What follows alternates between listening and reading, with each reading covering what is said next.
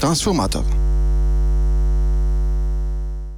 Witam w kolejnym odcinku Transformatora. Przed mikrofonem kłania się Konrad Rychlewski. Tematem przewodnim dzisiejszego odcinka będzie tak zwany zielony atom. Ale tradycyjnie zaczynamy od serwisu informacyjnego. Szkło obok aluminium i stali zalicza się do tzw. materiałów permanentnych. Oznacza to, że może być ono poddawane recyklingowi bez uszczerbku dla jakości materiału. W roku 2018 w Unii Europejskiej, obejmującej wówczas jeszcze Wielką Brytanię, 78% opakowań szklanych było poddawanych recyklingowi i trafiło z powrotem na rynek jako nowe opakowanie. W Polsce odsetek ten wynosił 63%. Łącznie 505 tysięcy ton szkła zostało poddane recyklingowi. Dwa lata później było to już 733 tysięcy ton szkła. Do roku 2030 zarówno dla całej Unii Europejskiej, jak i dla Polski celem jest odzyskanie ponad 90% szklanych opakowań. Już teraz moce przerobowe w Polsce wynoszą 1,1 milion ton, co odpowiada prawie ilości szklanych opakowań wprowadzonych na rynek rok do roku, a ilość ta to około 1,2 miliony ton szkła. Dzisiejsze opakowania szklane są dużo lepsze niż te produkowane jeszcze 50 lat temu. Są średnio o 30% lżejsze. Wykorzystanie energii jest o 70% niższe, a emisje gazów cieplarnianych niższe o 50%. Największymi wyzwaniami dla odzysku opakowań szklanych są dodatki wyprodukowane z innych materiałów, takich jak tworzywa sztuczne, guma, drewno.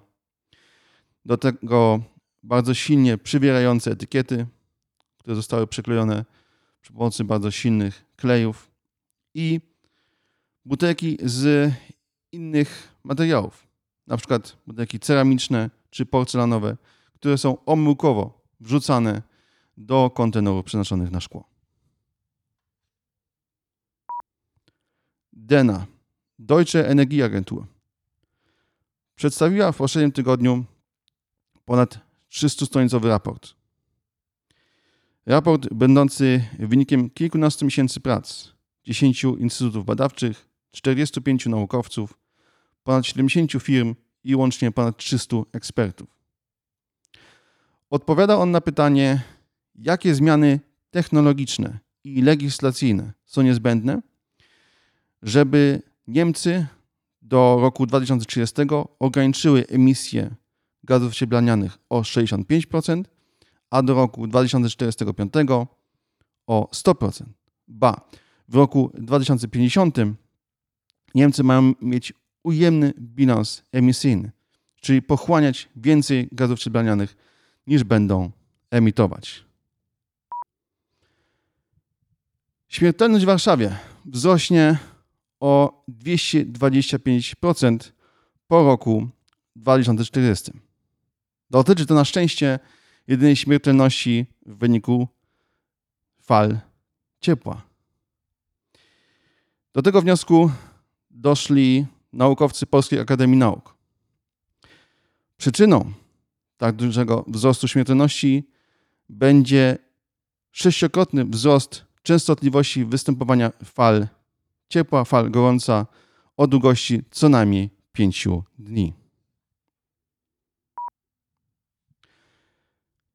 Już była mowa o aluminium, ale wróćmy do tego wdzięcznego, e, e, wdzięcznego metalu jeszcze raz.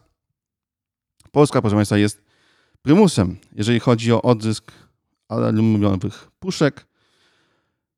80,5% wszystkich puszek aluminiowych w Polsce jest poddawana recyklingowi.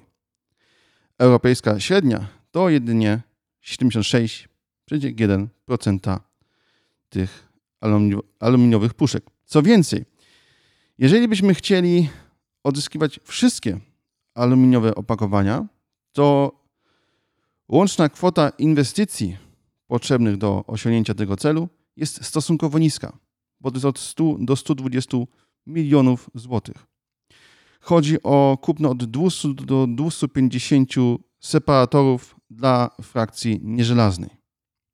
Czyli jest to cel jak najbardziej osiągalny i miejmy nadzieję, że osiągalny w przeciągu kilku najbliższych lat. Dodać należy, że Polacy mają w tym zakresie sukcesy nie tylko jeżeli chodzi o wdrożenie, ale też jeżeli chodzi o opracowywanie nowych technologii. W roku 2019 naukowcy z Uniwersytetu Łódzkiego przedstawili technologię do całkowitego recyklingu blistów, które służą obecnie do e, transportowania czy do, do e, pakowania wielu tabletek. E, dzięki tej technologii blistry te można dzielić na PCW i aluminium. Właśnie. 28% Paryżan korzystających z carsharingu zdecydowało się na sprzedaż posiadanego przez siebie wcześniej samochodu osobowego. W ten sposób 3000 współdzielonych samochodów zastąpiło 30 tysięcy samochodów posiadanych przez osoby indywidualne. Średnio jeden samochód wykorzystywany w ramach oferty carsharingowej przyczynia się y, do zlikwidowania, do zaoszczędzenia od 8 do 13 samochodów. Badania ankietowe wskazują na to, że żeby taka oferta była skuteczna, żeby taka oferta była postrzegana za atrakcyjną, to samochód carsharingowy powinien być dostępny w odległości 15 minut pieszo. Dla Warszawy oznaczałoby to, że flota samochodów carsharingowych powinna obejmować co najmniej 500 pojazdów. Clariter. Clariter to firma obecna w Polsce od 2003 roku. Firma, która wyspecjalizowała się w dziedzinie, która dla wielu wydaje się ukoronowaniem wysiłków recyklingowych. Chodzi mianowicie o upcycling, czyli o wytworzenie czegoś, co jest bardziej wartościowe niż to, z czego powstał odpad. W przypadku Clariter chodzi o skończenie, o zakończenie cyklu dla odpadów plastikowych. Ich technologia może przetwarzać już ponad 60% odpadów plastikowych e, e, generowanych w Polsce. I z tych plastików, z tych tworzyw sztucznych powstają trzy produkty. E, powstają śnieżno-białe woski, oleje białe i rozpuszczalniki. I te surowce potem są wykorzystywane do produkcji bardzo szerokiej gamy produktów. Na przykład farb, y, na przykład pas do butów, pas do drewna, świec, ale też kosmetyków czy, y, czy mm, y, innych substancji służących do pielęgnacji, na przykład twarzy. Jest to polska technologia i tym bardziej cieszy, że w tak trudnej dziedzinie jak radzenie sobie z odpadami z tworzyw sztucznych, też należymy do światowej czołówki, jeżeli chodzi właśnie o upcycling, czyli jeżeli chodzi o wytwarzanie czegoś, co jest bardziej wartościowe niż to, co było źródłem odpadu.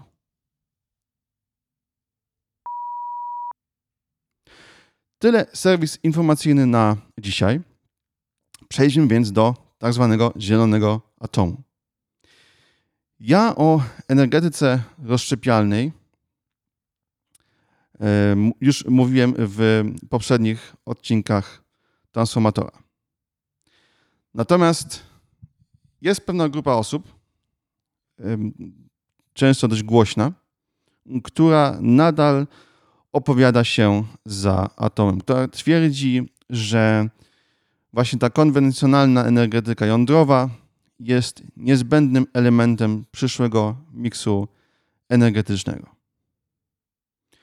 Dlatego chciałem się zająć jakby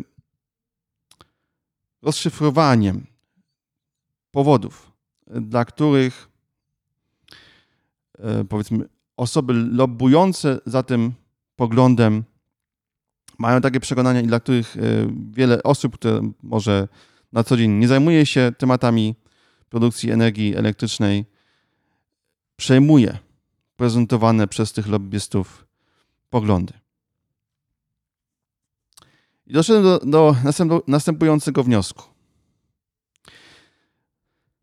Osoby lobbujące za atomem postrzegają świat taki, jakim był w latach 60.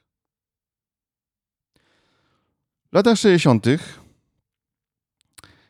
technologie fotowoltaiczne były przeraźliwie drogie i były praktycznie wykorzystywane wyłącznie dla zasilania satelitów. Jeżeli chodzi o e, produkcję, e, produkcję prądu z wiatru, to praktycznie nie występowała. A jeżeli ktoś mówił o wiatrakach, to raczej były to wiatraki mielące na przykład ziarno na mąkę. Jeżeli chodzi o magazynowanie energii, to też możliwości były znikome w stosunku do możliwości obecnych, a ceny wręcz kosmiczne. I wtedy, z punktu widzenia osób żyjących powiedzmy w latach 50., 60., po części też jeszcze w latach 70., atom, zielony atom, faktycznie był na realnym gruncie, na gruncie jakby rzeczywistości, najszybszym sposobem dekarbonizacji.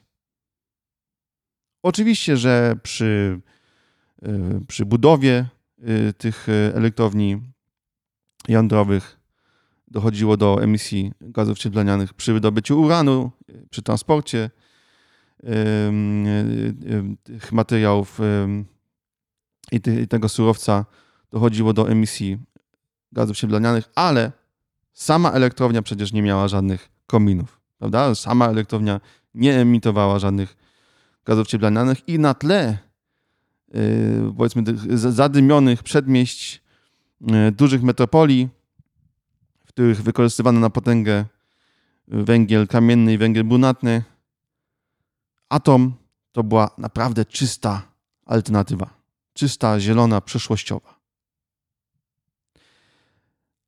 Ale co niestety wiele osób, y, które optują za atomem, nie dostrzega, w ciągu ostatnich 50 lat dokonała się autentyczna rewolucja technologiczna, również w odnawialnych źródłach energii.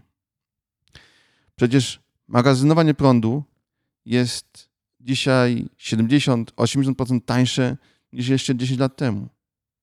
Przecież zarówno wydajność farm wiatrowych czy farm fotowoltaicznych jest dzisiaj wielokrotnie wyższa niż jeszcze 20 czy 30 lat temu, a prąd przez nie produkowane, również na warunkach komercyjnych, jest konkurencyjny w stosunku do innych źródeł energii. Co więcej, gdybyśmy obecnie rozpoczęli budowę elektrowni jądrowej na bazie konwencjonalnej, rozszczepialnej energetyki jądrowej, to prąd przez nie produkowany, gdyby one powstały powiedzmy za 10-15 lat, byłby mniej więcej 4 razy droższy niż to, co dzisiaj płacimy za prąd. A jeżeli chodzi o źródła odnawialne, to prąd na przykład z wiatraków na lądzie, bo to jest nadal najtańsze źródło energii, jeżeli chodzi o źródła odnawialne, jest już teraz tańszy niż prąd, który pochodzi na przykład z elektrowni węglowych, e, czy nawet z elektrowni gazowych. Natomiast jeżeli chodzi o fotowoltaikę i e, prąd z farm na w systemie offshore, czyli na, na morzu, powiedzmy, to tam też z roku na rok widzimy znaczące spadki średnich kosztów produkcji energii elektrycznej. Po prostu technologie tak bardzo się rozwinęły, że to, co jeszcze 50-60 lat temu było jedyną alternatywą, jeżeli chcielibyśmy doprowadzić do dekarbonizacji sektoru, sektoru energetycznego, jest przestarzałe. Coś, co kiedyś było najlepsze, dzisiaj jest fatalnym wyborem. I oczywiście w każdym konkretnym przypadku trudno z góry rozstrzygać, czy jest to kwestia złej woli, braku wiedzy, braku świadomości, ale zawsze poparcie dla konwencjonalnej energetyki jądrowej jest po prostu błędem. Niezależnie od tego, czemu dana osoba ten błąd popełnia, tak, to jest kwestia wtórna, ale po prostu y, nie żyjemy w latach 60., nie jeździmy Fiatami 125p, e, nie mamy w domu telewizorów czarno-białych i używamy inne nowinki technologiczne, na przykład telefony komórkowe. Więc skoro sami żyjemy w latach 20. XXI wieku, to nasza energetyka też powinna być budowana w oparciu o obecne możliwości techniczne, w oparciu o obecne technologie i obecne trendy, a nie w oparciu o przekonania i możliwości, które były modne 60 lat temu.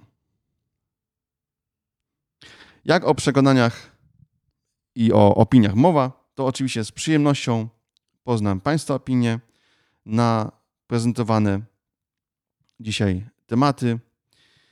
Jeżeli Państwo będą uczestniczyli w pierwszym kongresie entuzjastów i przyjaciół kolei, który rozpocznie się już jutro, będzie trwał w, w dniach 16 i 17 października, to oczywiście z przyjemnością też Państwa tam spotkam. Kongres odbędzie się w Piasecznie. A jeżeli nie podczas kongresu, to mam nadzieję do usłyszenia w następnym odcinku Transformatora. Dzisiaj już dziękuję za uwagę.